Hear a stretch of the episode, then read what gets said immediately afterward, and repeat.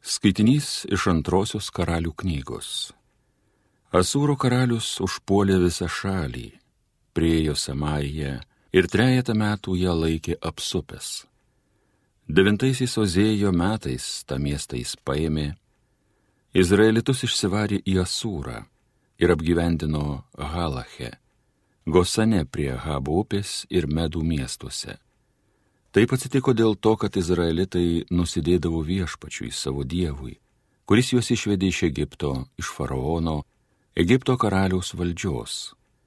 Jie garbindavo svetimus dievaičius, pamėgdžiodavo papročius tautų, kurias viešpats buvo pavaręs nuo izraelitų, ir sekdavo Izraelio karalių duodamų pavyzdžių.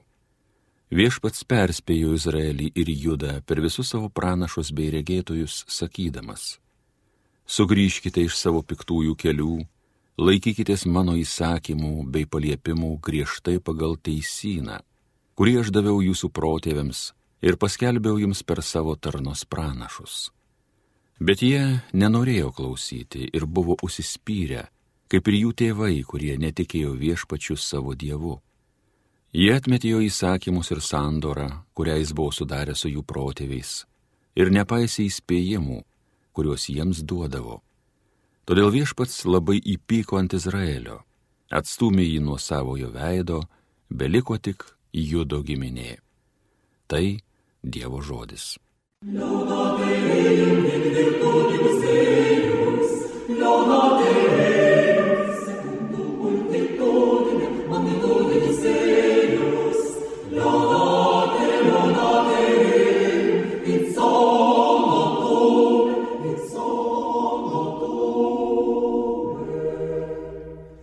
Savo dešinę viešpatie gelbėk, išgirsk mus.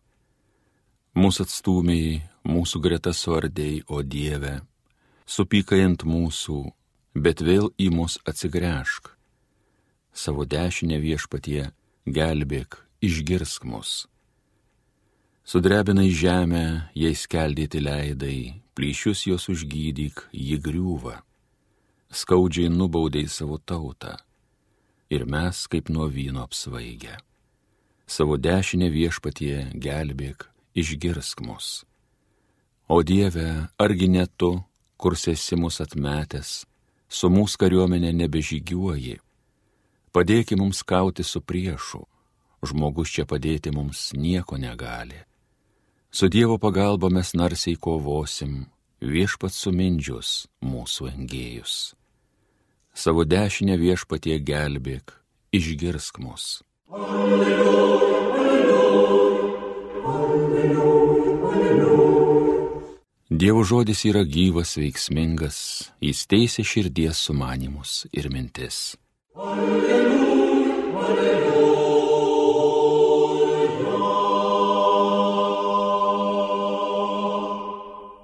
Išpat su jomis Pasiklausykite Šventojios Evangelijos pagal matą. Neteiskite, kad nebūtumėte teisiami. Kokiu teismu teisėte, tokiu ir patys būsite teisiami. Ir kokius saikus seikite, tokiu ir jums bus atseikėta. Kodėlgi matai krislą savo brolio akyje, o nepastebi rasto savojoje? Arba kaip gali sakyti broliui, leisk išimsiu krislą iš tavo akies, kai tavo kyje rastas.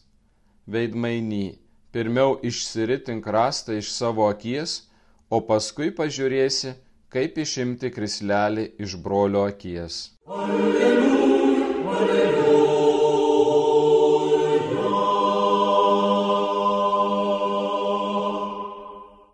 Girdėjote viešpatie žodį.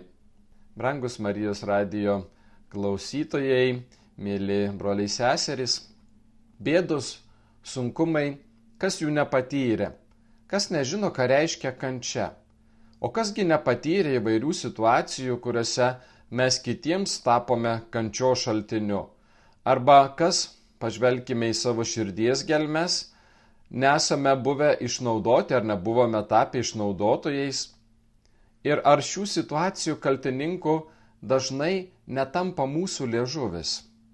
Karalius Dovydas labai bijojo nusidėti kalbėdamas ir dėl to maldavo Dievą pastatyti sargybą jo burnai jo liežuviui prievaizdą paskirti.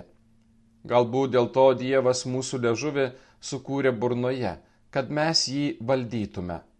Tačiau nepaisant visko, mes visada pasiruošę padovanoti gerą porciją nuodų savo žodžiais. Dėl to psalmistas, tam, kad galėtų valdyti savo liežuvį, šaukėsi Dievo pagalbos.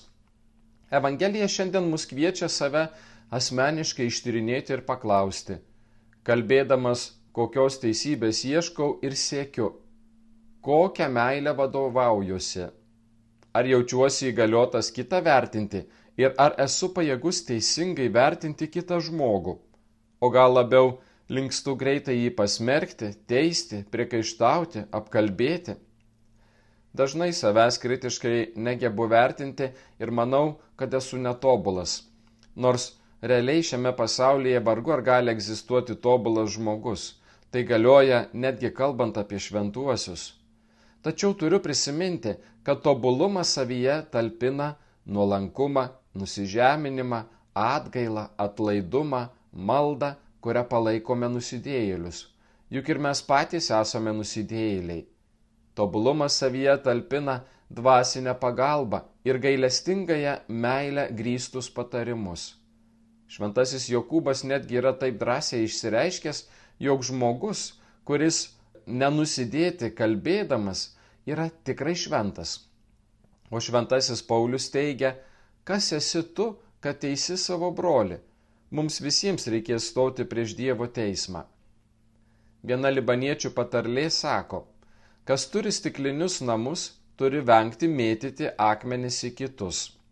O vienas arabų poetas sako, tavo ležuvis tegul nieko nesako apie kito netobulumą. Tu esi pilnas netobulumų, o kiti taip pat turi ležuvį.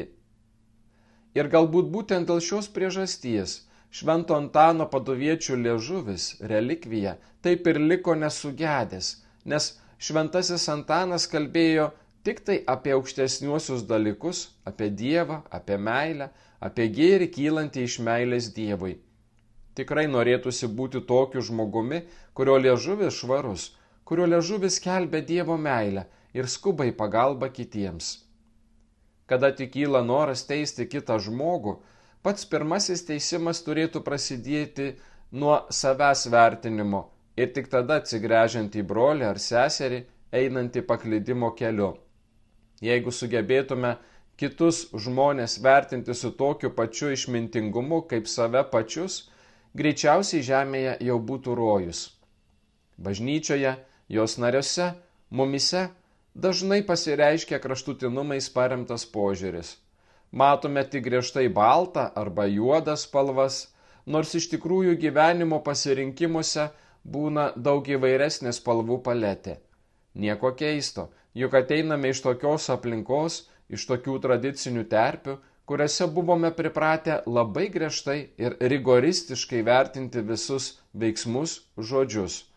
O tokiame kultūrinėme kontekste ta riba tarp etiško vertinimo ir plėtkinimo, apkalbėjimo, pasmerkimo tampa labai plona. O žiaurumas, kuris kyla tegul ir iš geros intencijos, taip dažnai tiesiog paversdavo krikščionybę tiesiog labai netolerantišką ir teisiančią bei pasmerkiančią religiją. Šiandien visuotinės gerovės laikais nuėjome į kitą kraštutinumų pusę Gyvename taip, tarsi Dievui visai neberūpėtų mūsų santykiai. Gyvename taip, lyg gerasis Dievas būtų nusigręžęs nuo konkretaus žmogaus gyvenimo, tarsi tikėjimas ir gyvenimo tikrovė visiškai nebesusitiktų. Kaip dažnai nutinka, tiesa slypi neradikaliajame, o vidurio kelyje, kuriame yra ne tik balta ir juoda, bet ir daug didesnė gyvenimo spalvų paletė. Dievas gi nėra žiaurus kankintojas ir baudėjas, taisyklių prižiūrėtojas, tačiau jis nėra ir kalėdų senelis. Krikščionis yra pašauktas vertinti, o ne apkalbėti ir smerkti. Turi mokintis žvelgti Dievo žvilgsniu. Juk Dievas mato visumą ir tai, kas gera, ir tai, kas bloga kas pozityvu ir negatyvu.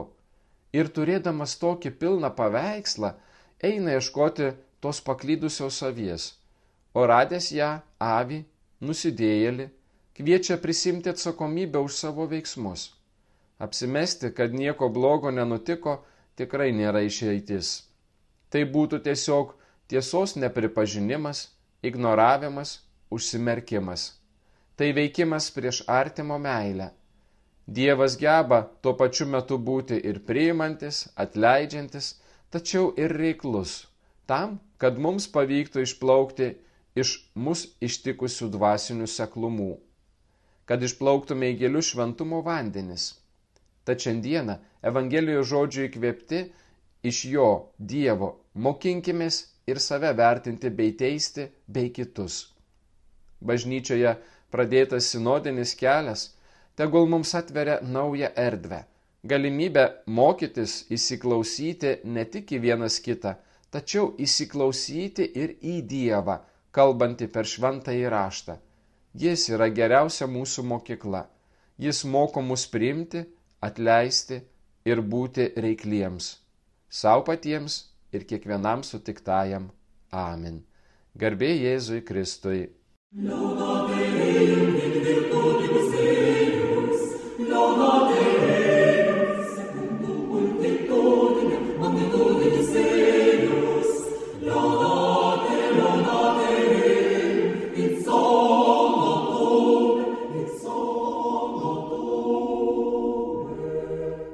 Evangeliją skaitė ir homiliją sakė kunigas teologijos mokslų daktaras Andrius Vaitkevičius.